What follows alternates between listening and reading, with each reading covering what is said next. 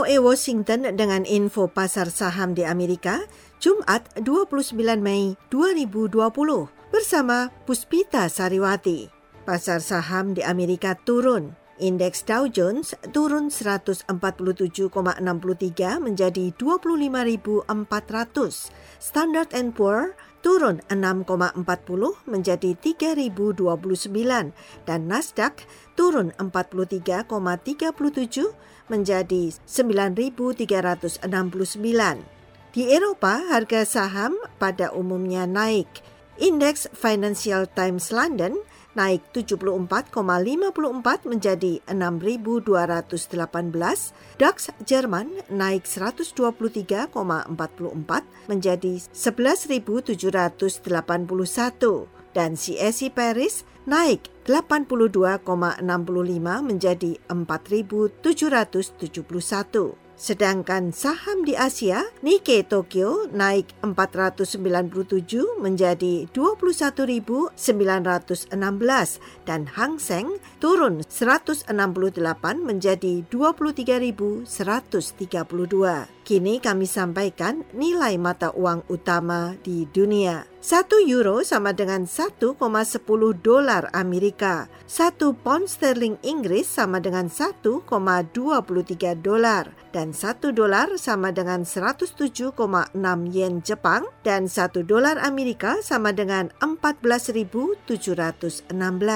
Kini kami sampaikan harga-harga komoditi di pasar New York.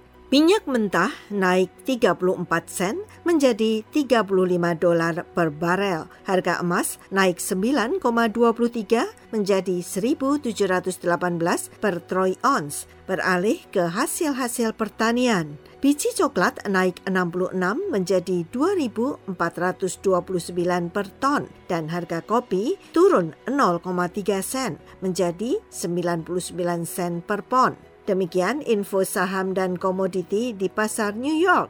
Sebentar lagi kami sampaikan laporan ekonomi dan bisnis. Puspita Sariwati, VOA, Washington. The Voice of America. Laporan ekonomi dan bisnis bersama Puspita Sariwati. Diperkirakan 2,1 juta warga Amerika pekan lalu mengajukan permintaan tunjangan untuk pengangguran, meskipun sebagian kantor dan bisnis dibuka kembali secara bertahap di seluruh negeri. Jumlah pengangguran sejak penutupan akibat pandemi virus corona pada pertengahan Maret menjadi sekitar 41 juta, kata pemerintah hari Kamis. Pendaftaran pertama untuk pengangguran meskipun masih sangat tinggi menurun selama 8 minggu berturut-turut dan secara bertahap negara bagian membolehkan toko, restoran, salon, pusat kebugaran dan bisnis lainnya dibuka kembali. Tetapi pengusaha lain masih merumahkan pegawainya di tengah resesi hebat. Laporan Departemen Tenaga Kerja AS mencatat hal positif. Jumlah orang yang sekarang menerima tunjangan turun untuk pertama kalinya sejak wabah meningkat pada pertengahan Maret dari 25 juta menjadi 21 juta. Itu menunjukkan perusahaan mulai mempekerjakan kembali dan berarti jumlah pekerjaan yang hilang akan memuncak pada bulan Mei.